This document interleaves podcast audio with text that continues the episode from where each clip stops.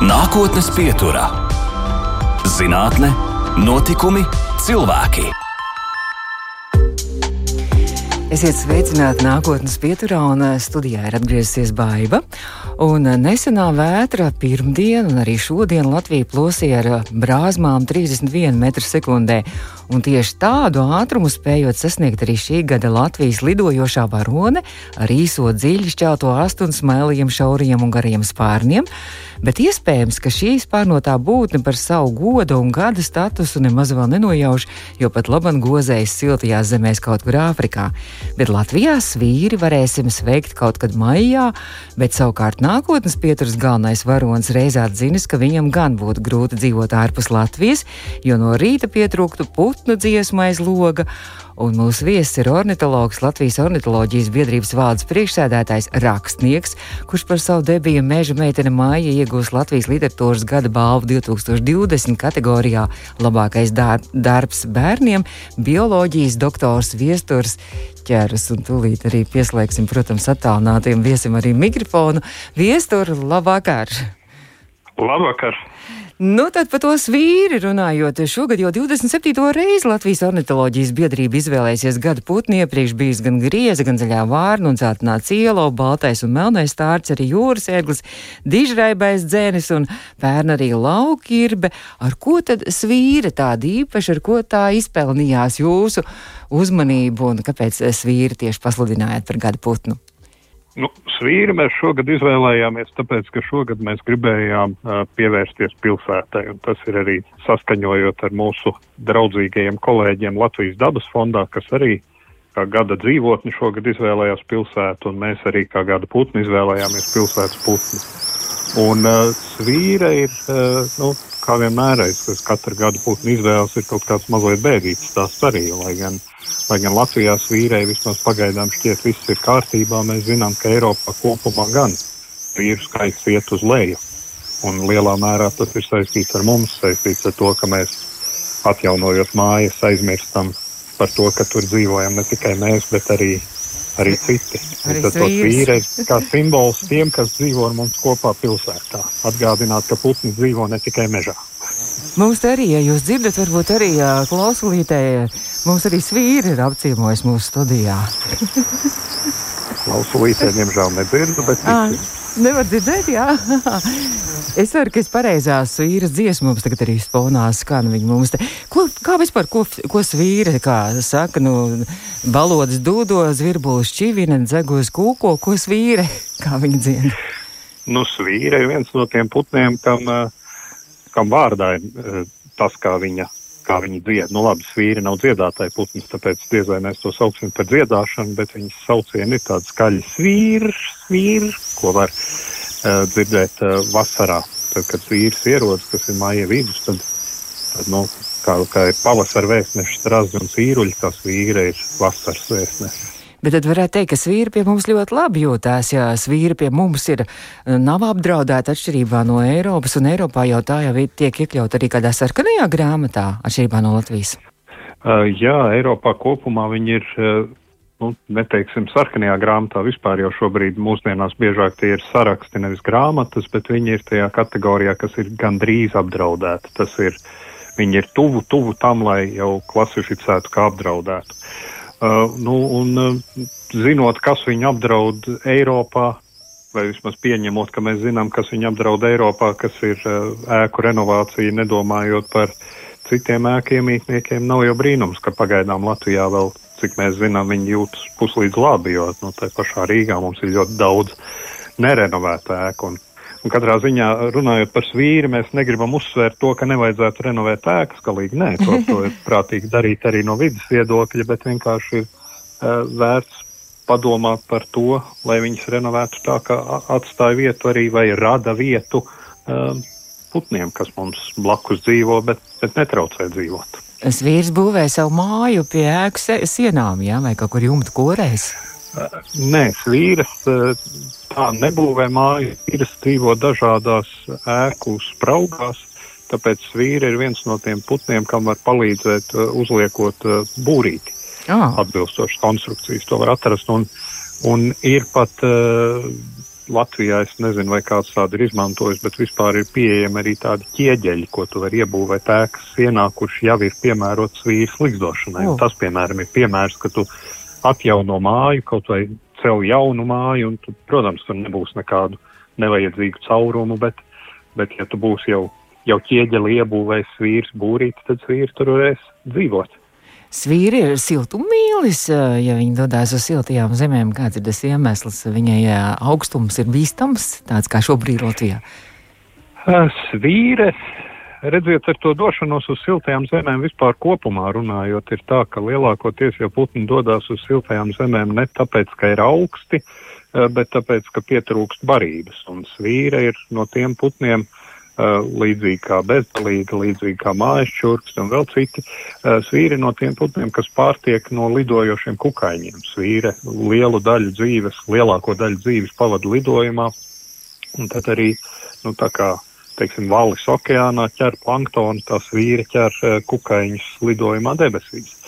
Un ziemā vienkārši tādu lidojošu kukaiņu vairs nav, un tāpēc viņai nekas cits neatliek kā doties uz uz zemēm, kur kamēr mums Latvijā ziema, tikmēr kukaiņi lido. Mm -hmm. Pietiek ko ēst. Uh, svīri esot arī virtuozi lidotāji, jo varot nolidot ārkārtīgi liels uh, gabalus un pa ceļam arī guļu, laikam, kā tur ir, bet Jā, taisnība. Tieši tā svīre visu svarīgāko dzīvē var izdarīt lidojumā, ja neskaita, protams, olu perēšanu. Lai perētu olas, tad viņa ir jānolaižas un jāsēž uz tām olām, jātur siltumā, bet, bet vīra lidojumā var gan paēst, gan padzerties, ja vajag, gan vākt materiālu līgzdē, gan pāroties, gan, gan arī gulēt tieši tā. Tur ir interesanti mehānismi, kā tās vīras guļ. Viņas tā kā ar pusi smadzeņu guļ un pēc tam atkal nomaina un guļ ar otru pusi. Tāpēc viņas var var gulēt un tai pašā laikā neskriet cita citai virsū un, un nenokrist zemē galu galā. Un var nolidot cik lielus attālumus vai cik laika izteiksmē lielas stundas? Uh, nu, laika izteiksmē es pieļauju, ka daudz ilgāk, bet uh, tas, ko, kas ir droši ar, ar pētījumiem apstiprināts, ka viņi var desmit mēnešus no vietas lidot. Bet, Eh, bet es domāju, ka tas ir arī ilgāk vienkārši nu, to var būt grūti, grūti pierādīt. Svīrs eh, parasti arī um, reizēm mēdz jaukt arī ar bezdalīgām. Ar ko, ar ko svīri ir vairāk atšķirīgi no bezdalīgas? Jā, kā dzīvesveids svīrai ir līdzīgs bezdalīgai, tad arī tas izskats ir līdzīgs un līdz ar to var, var reizēm sajaukt, jo abi ir kukaiņēdāji putni, kas savu barību ķer gaisā, un līdz ar to ķermeņa uzbūve viņiem līdzīga, lai gan svīra ne tuvu nav radniecīga bezdalīgai. Bet tas, pēc kā visvienkāršāk svīri ir atšķirt no bezdalīgas, ir tas, ka viņai ir tumša ķermeņa apakšpuse, tumša brūna, vai tā kā mēs redzam viņu no zemes augstu lidojam, tad viņi izskatās melna. Bezdalīgai vēders ir balts, un svīrei ir arī garāki tādi izteikti sirdžveidu spārni. Bezdalīgi arī viņi ir mhm. samērā gari un nosmailoti, bet svīrei ir e, jūtami, jūtami garāki. Un, teiksim, bezdalīgs mēdz sēdēt uh, uz vadiem un tam līdzīgi svīri nekad tā nedarīs. Viestur, mēs laikam klausītājus varam jau arī gatavot nu, tam maijam, laikam māja vidū, kad varbūt svīris atgriezīsies Latvijā gada putns. Jo ornitoloģijas biedrība arī aicina laikam ziņot arī par svīru novērojumiem eh, savā portālā un portālā dabas dati. Jā, tieši tā. Portāls dabas dati ir mums ar Latvijas dabas fondu kopīgs portāls, kur mēs tā kā uzņemamies atbildību par, par putnu daļu. Un tieši tā kā katru gadu mēs arī aicinām ziņot par, par gada putnu novērojumu. Tātad šogad mēs īpaši aicinām ziņot par svīri. Mm -hmm. Protams, mums interesē ziņas arī par citiem putniem, bet nu, vienmēr ir kāds jāizceļ, lai cilvēks pamudinātu ziņot. Bet es šobrīd saprotu, ka šobrīd arī ir aktualitāte, ka ornitoloģijas biedrība arī aicina vēl piedalīties datu vākšanā par uh, ziemojošiem putniem, ziemojošo putnu Atlantam. Un uh, šobrīd tieši ir vēl aktuālais laiks, laikam līdz februāra beigām, janvārs ir pusē, vēl visi janvāri un februāri. Klausītāji, kā viņi var piedalīties tajā, jo klausītājiem jau, man liekas, ka putnu Latvijā bezgali interesē. tieši tā, mēs patiesībā jau ik pa laikam mēs dažādos veidos aicinām ziņot par putniem, bet uh, šogad un arī iepriekšējā un nākamajā ziemā un vēl dažas nākamās mēs uh, aicinām ziņot ziemojošo putnu Atlantam. Varbūt tie klausītāji, kas vairāk interesējas par putniem, ir pamanījuši, ka pērnā gada sākumā iznāca tāda grāmata Latvijas likstojošo putnu Atlanti, kur ir Latvijas likstojošo putnu izplatības kartes, bet mēs gribam šoreiz nu, tā nopietni pirmo reizi ievākt informāciju arī par ziemojošo putnu izplatību. Un šis ir tāds pasākums, kur uh, jebkurš vietējais iedzīvotājs, kas pazīst kaut kādu putnu, uh, droši drīkst piedalīties, jo šim darbam ir svarīgas ziņas par jebkuru putnu, jebkurā vietā Latvijā. Uh, visvairāk mēs priecājamies, ka ziņo izmantojot portālu vai lietotni dabas dati, ko es jau mazliet pieminēju. Eh, bet, nu, ja ir nevēlēšanās vai citi iemesli, kāpēc eh, nelietot, tad var arī vienkārši rakstīt e-pastā, var rakstīt vienkārši parastā vēstulē, pa pastu sūtīt. Bet, jā, šajā ziemā un arī turpmāk dažas ziemas var ziņot par jebkuru putnu pie barotavas un, un tam līdzīgi, ko nu kādās redzēt. Tas nozīmē, ka arī visparastākie putni, zvirbuļi un baloži arī ir uh, uzmanības centrā un arī ir interesi par šiem putniem tieši tās virbuļu un baloži arī ir uzmanības centrā, bet svarīgi ir uh, paturēt prātā to, ka uh, šie zvirbuļi, teiksim, ir vairākas sugas un no nu, ziemā varbūt mazāk, bet principā arī baloži ir vairākas sugas. Svarīgākais ir ziņot par putniem, ko jūs tiešām pazīstat. Teiksim, ja jūs pazīstat tikai lielo zīlīti, tad ziņojiet tikai par lielo zīlīti. Bet jaukums ar to dabas datu portālu ir arī tas, ka var ziņot putnu, ko jūs nepazīstat, ja jums ir fotografija, un tad citi portālu lietotāji var paskatīties uz bildi un pateikt, kas ir. Tā, tā jūs palīdzat mums, mēs palīdzam jums tapt gudrākiem. Tas nozīmē, ka telefonā var arī nofotografēt šo putnu, ievietot arī portālā, un tad arī visi kopīgiem spēkiem arī atrisinās mīklu, kas tas ir par putnu.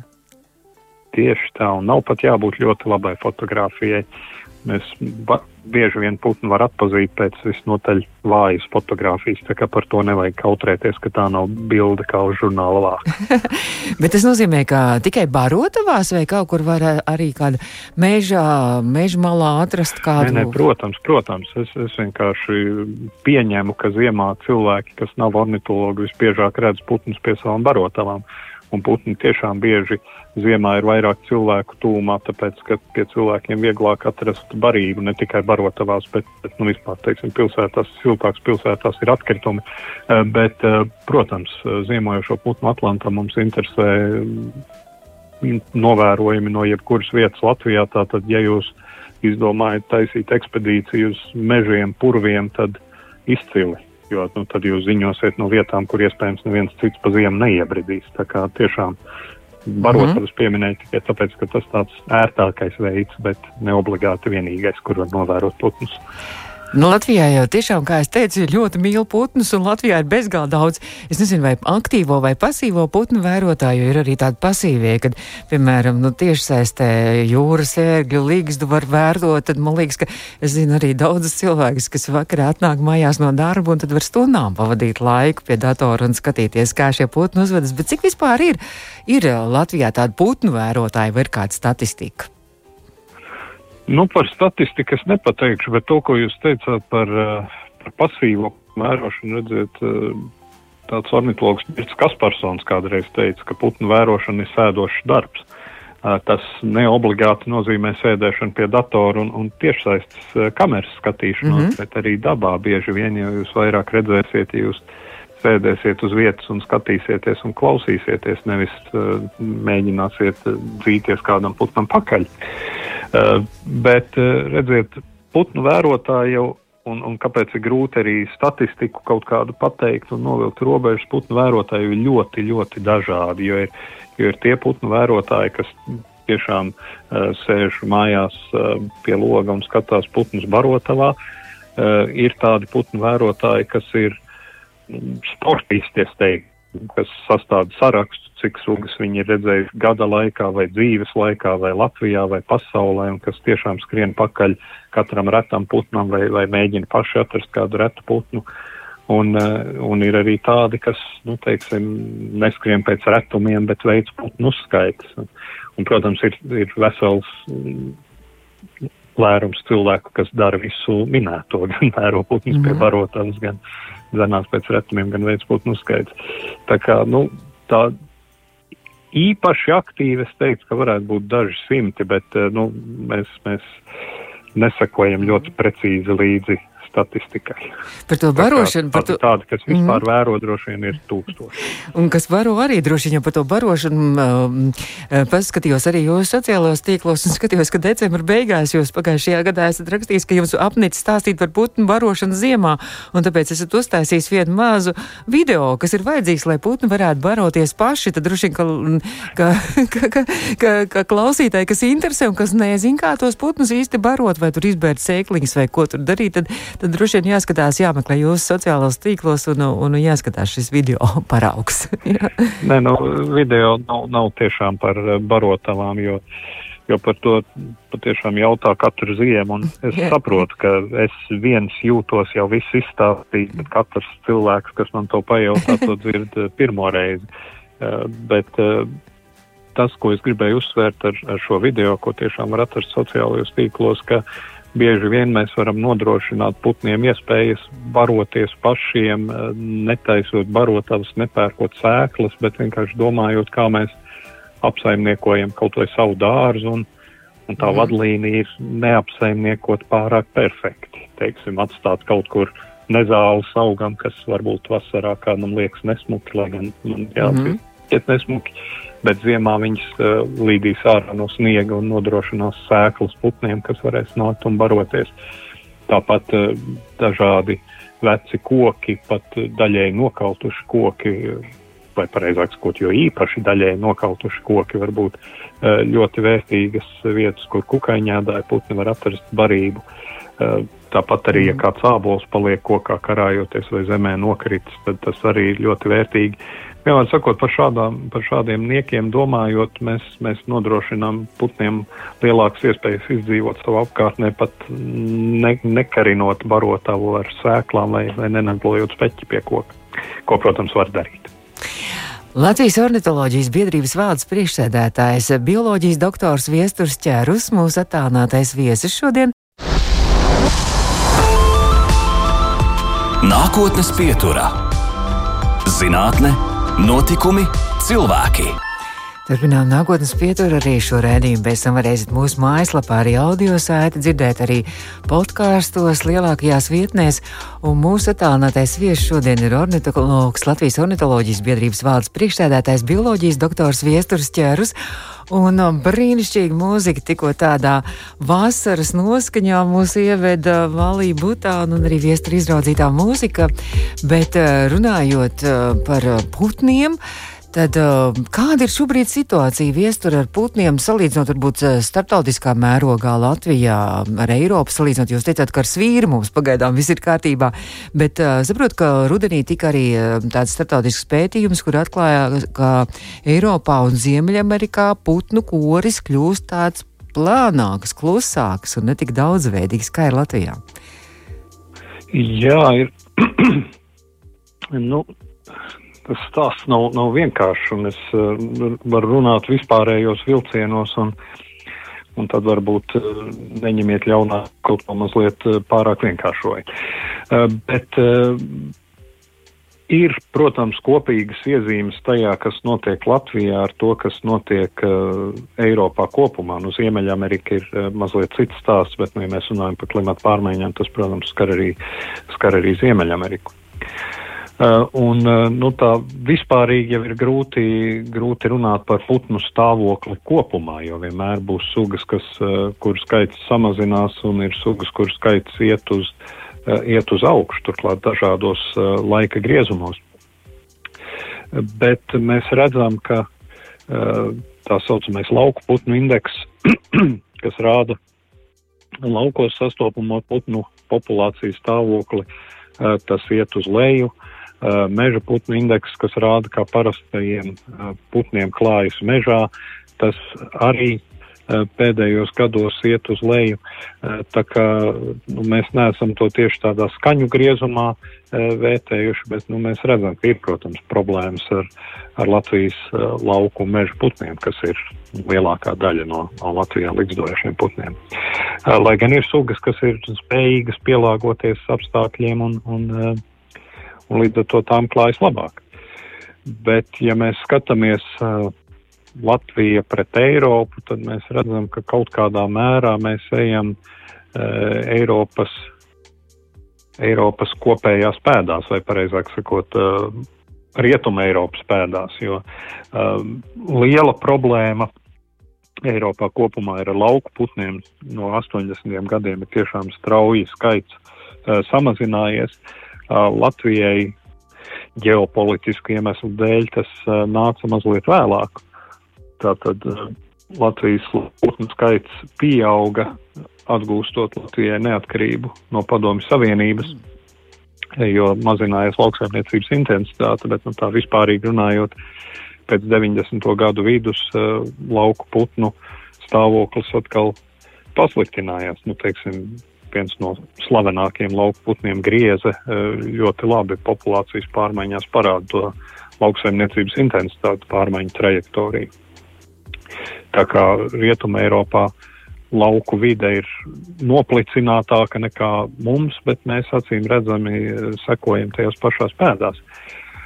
Ar mežiem ir drusku cits stāsts, tāpēc ka mežus, nu tā atkal vienkāršot sakot, uh, Rietuma Eiropa noplicināja vēl stipri pirms sāka skaitīt putnus. Mm. Tāpēc mēs redzam, ka uh, Eiropā kopumā meža putniem klājas stipri labāk nekā lauku putniem. Tāpēc, ka nu, tas atskaits punkts, pret kuru mēs skatāmies, kā viņiem klājas, ir uh, nu, jau zems salīdzinot ar to, kā, kā būtu bijusi dabiska situācija. Uh, un, teiksim, Latvija, Latvija tagad iet cauri tam uh, mežu, mežu noplicināšanas brīdim, jo mēs redzam, ka ir uh, sugas, kas Latvijā ir apdraudētas, mežīrba, piemēram, vai, vai nu, īpaši harizmātisks Latvijas meža putns, melnais stārķis, kas uh, Eiropā kopumā nav apdraudēti. Mm. Tātad citās valstīs viņiem klājas labāk. Tas nenozīmē, ka viņu noteikti ir vairāk tajās valstīs, bet uh, tas skaita sarukums nav tik, nav tik liels. Un, uh, līdz ar to Eiropā kopumā meža putnu populācijas atkopjas, kamēr paradoxālā kārtā šeit mūsu reģionā, Ziemeļa Eiropā, uh, meža putnu skaits iet uz leju, lai gan mēs it kā esam tas mežiem bagātākais reģions. Jā, kaut kā paradoxāli, bet tas nozīmē, ka pa daudz mēs tomēr tos mežus izcērtam vai mēs nepareiz tos apsaimniekojam. Uh, kas tur pie vainas ir? Uh, nu, jā, vienkāršot sakot, varētu teikt, ka mēs izcērtam pa daudz, jo, redziet, uh, nu, tad jūs uh, runātu ar, ar kādu meža nozares pārstāvjiem, droši vien pateikt, ka mežu platība Latvijā pieaug, koksnes daudzums uh, Latvijā pieaug, uh, saukts par krāju meža terminoloģijā. Bet tā meža platība ietver uh, visu, ne tikai augušus mežus, bet arī uh, svaigus izcirtumus vai, vai tikko atjaunotas uh, audzes, kur tie kociņi ir, ir tik mazi, ka jūs pat nepamanīsiet, ka tur aug koki. Un savukārt uh, koksnes daudzums nu, nav tas parametrs, kas ir uh, svarīgs mežu putniem. Un mēs zinām, ka kopš 2000. gadu sākuma koku, koku segums Latvijā ir mazinājies. Tātad formāli mežu platība aug, bet platības, kuras klāja koki, ir samazinājušās un, un ļoti aug mežu fragmentācija. Tātad tas, tas mežs kļūst tā kā tāda caurumaina sēga. Un, mm. uh, nu, tad arī var saskaitot kopā, uh, iegūt kaut kādu platību, kas liekas ēdīga, bet saraustīta mazos gabaliņos, viņi var, var nebūt izmantojama. Tāpēc nu, tā, uh, tā kopējā meža platība izsaka apmēram tik daudz, kā, nu, ja jūs pateiktu, kāda ir kopējā dzīvojamā platība Rīgā, turklāt ieskaitot tur vēl mājas, kuras ir tikai plānots uzcelt. Un, nu, tad jūs saprotat, tas ietvers gan tādas vietas, kur ir kauns likt kādam dzīvot, gan ļoti lepns dzīvokļus. Un līdzīgi ir ar to mežu kopējo platību. Mums to lepno dzīvokļu vai to īpaši vērtīgo mežu kļūst mazāk. Man liekas, ka tagad jūs sagrāvāt daudziem mūsu ilūzijas par Latviju kā mežu valsti, ar ko mēs varētu lepoties. Bet, ja nemaldos, arī pirms pāris gadiem vai pagājuši gadu bija arī saimā arī šī iniciatīva par Latvijas mežu saglabāšanu portālā. Man balss arī tika iesniegta, savākt, man balss tika savākt arī tie desmit tūkstoši vajadzīgie paraksti. Kas ar to notiek? Vai esat pasekojis? Jā, nu tā nebija mūsu iniciatīva, bet puslīdz lietas kursā es esmu, un tur, diemžēl, vismaz pagaidām tas ar neko nav beidzies.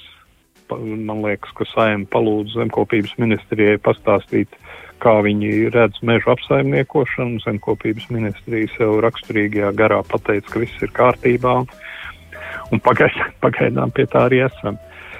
Mm -hmm. Bet nu, tas ir, protams, smags politisks jautājums, kas varbūt nav tas, ko Latvijas rādio divi klausītāji grib. Nākotnes pieturā. Un mēs turpinām nākotnes pieturu.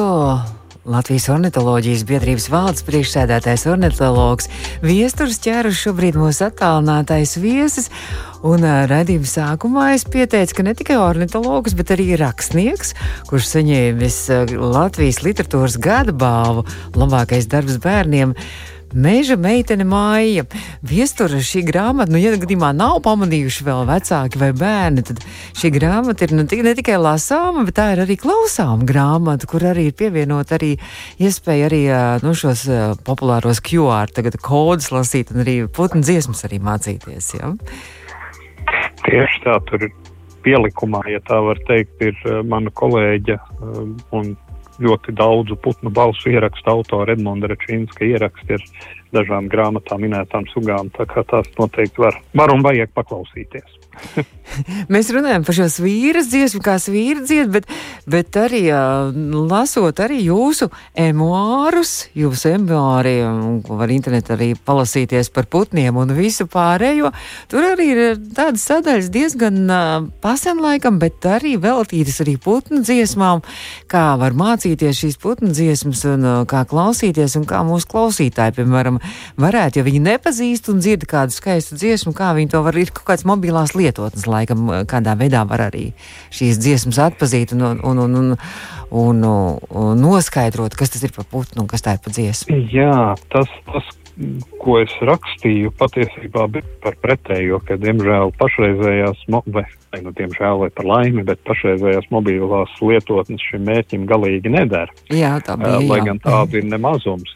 Jo es zinot, ka cilvēki mēdz viņas lietot, es pats viņas nelietoju, bet uh, nolēmu paskatīties, kas tad ir tas, ko cilvēki lieto un pārbaudīt ar putnu balsu ierakstiem, kur es zinu, kas tas ir. Un, uh, un diemžēl viņas uh, daļa no viņām pat kļūdās biežāk nekā pasaka pareizi. Līdz ar to, ja cilvēks tiešām mēģina sākt iepazīt putnus, tad, tad tā lietotne viņam drīzāk darīs ļaunu nekā labu.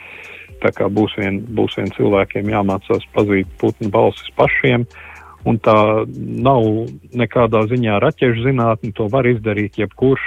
Vienīgā problēma, ka tas prasa laiku, jo ir, teiksim, putnu sugas, ko es pats uh, apguvu tikai uh, daudzus gadus pēc tam, kad es šo, jau, jau ar šo lietu nodarbojos. Bet parastākās sugas droši vien var ātri vien atšķirt, jo varbūt cilvēkam liekas, ka viņš nepazīst putnu balsis, tad, ja viņam pajautāt, vai viņš tiešām nepazīst zēgluzi, tad izrādītos, ka pazīst gan, uh, un, un vēl šo to. Un tāpēc pats labākais veids, kā mācīties putnu balsis, ir iet dabā un klausīties. Un, un jo īpaši sākumā, protams, ir vērts mēģināt saskatīt to, kas dzied, lai saprastu, saliktu to skaņu kopā ar bildi, jo uh, jo pēc bildes tomēr ir vieglāk putnu atpazīt. Bieži vien, lai gan ir putni, ko tikai pēc balss var nopietni atšķirt. Un vislabāk iet dabā ar kādu pieredzējušāku šajā jomā, kurš tad var iebakstīt, kas ir tās raksturīgās lietas, uz ko jāklausās. Jo tieši tas man savulaik ir palīdzējis, ka kāds pieredzējušāks kolēģis vērš uzmanību uz kādu niansi, ko es pats neesmu saklausījis zilspalīgdams tās balsis klausoties. Un vēl viens jaukums mūsdienās ir, kas nebija eh, tajā laikā, kad uh, es pats intensīvi mācījos pazīt putnu balsis, ka šobrīd vietāluņu un visādu citādu ierīču laikmetu, uh, visādu citādu ierīču laikmetā var, var to balsi arī ierakstīt. Mm -hmm. Tad kad, tad, kad es mācījos, mēģināju balsi pierakstīt, un ātri vien pārliecinājos, ka tas ir pilnīgi bezjēdzīgi. Oh. Pat es mājās aizgāju, vairs nevarēju saprast, kas ta, kā izklausījās tā balss, ko es tur mēģināju pierakstīt ar burtiem. Bet tagad, tā es minēju par putnu fotogrāfiju, tieši tā, tā kā es minēju par putnu fotogrāfijām, eh, ko var uh, iedot kolēģiem, ne, bet uh, pieredzējušākiem putnu vērotājiem atpazīt ja gadās kāds eh, balss ieraksts un jūs nepazīstat, kas tas ir, arī to droši var atsūtīt uz, uz ah. putnietu LBLV e-pastu un mēs palīdzēsim. Un mans kolēģis Andris Dekans uh, likstojošo putnu izplatības apzināšanai, jo mēs šobrīd arī vācam datus jaunam likstojošo putnu atlantam, izvērst tādu kampaņu, ka aicināja vienkārši savās mājās vai jebkur ierakstīt 5 minūtes apkārt ziedošos putnus. Uh, un atsūtīt viņam ierakstu, un tad viņš paklausās un aizsūta pretī sarakstu ar to, ko ir dzirdējis. Tā kā arī, arī šādā ziņā mēs varam, varam palīdzēt, bet cilvēks arī pats var uh, to savu ierakstu salīdzināt ar, teiksim, ir tāda lapa mm -hmm. putni LV, kas nav mūsu lapa, bet ir ļoti vērtīga lapa šā vai tā. Uh, ar, ar šajā lapā atrodamajiem balsu ierakstiem var salīdzināt un tā vai citādi pamazām cīnīties uz priekšu. Tas varbūt ies lēnāk un šķitīs grūtāk nekā ar lietotnēm, bet, bet lietotnes jūs tikai maldinās un radīs mm -hmm. vieglumu ilūziju. Tomēr nē, jā. bet kāpēc vispār putni dzied? Vai viņi sarunājās dziedot, vai viņi izrāda savu prieku? Jā, cilvēkiem reizēm šķiet, ka putni izrāda savu prieku. Cil, cilvēku priekšstats par putnu dziedāšanu man saistās ar, ar Julija uh, Andrews mūzikas skaņu sākumā, kur viņi skrien pa kalniem, pļaviņām, tīk dziedādama.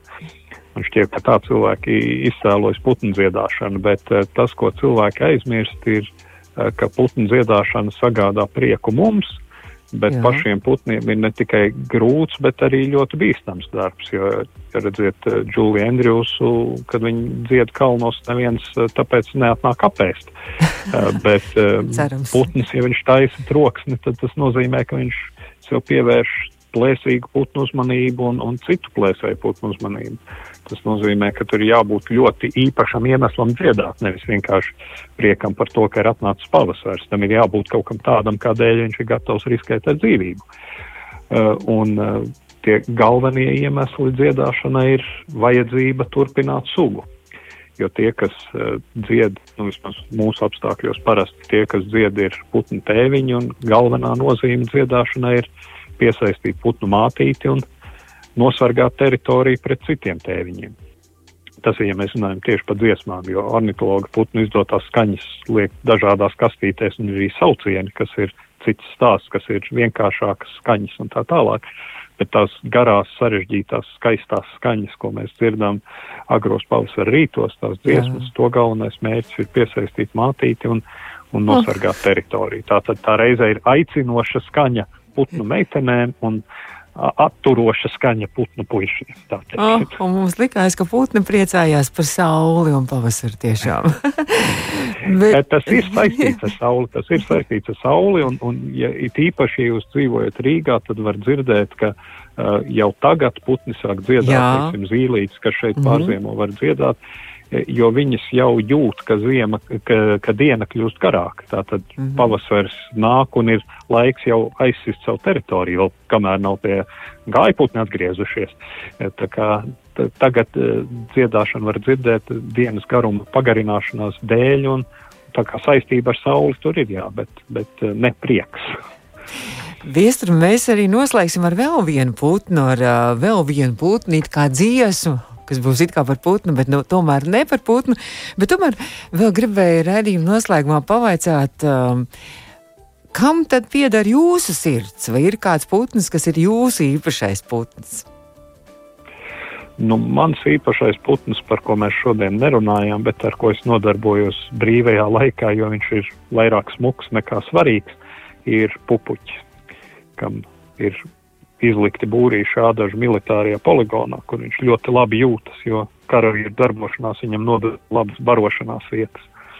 Mm. Un tad tas ir atslodzēji un, un, un pārmaiņas pēc nevis cīnīties ar nepareiziem lēmumiem vai, vai kaitīgiem likuma grozījumiem, bet reāli aiziet sastapties ar, ar putnu.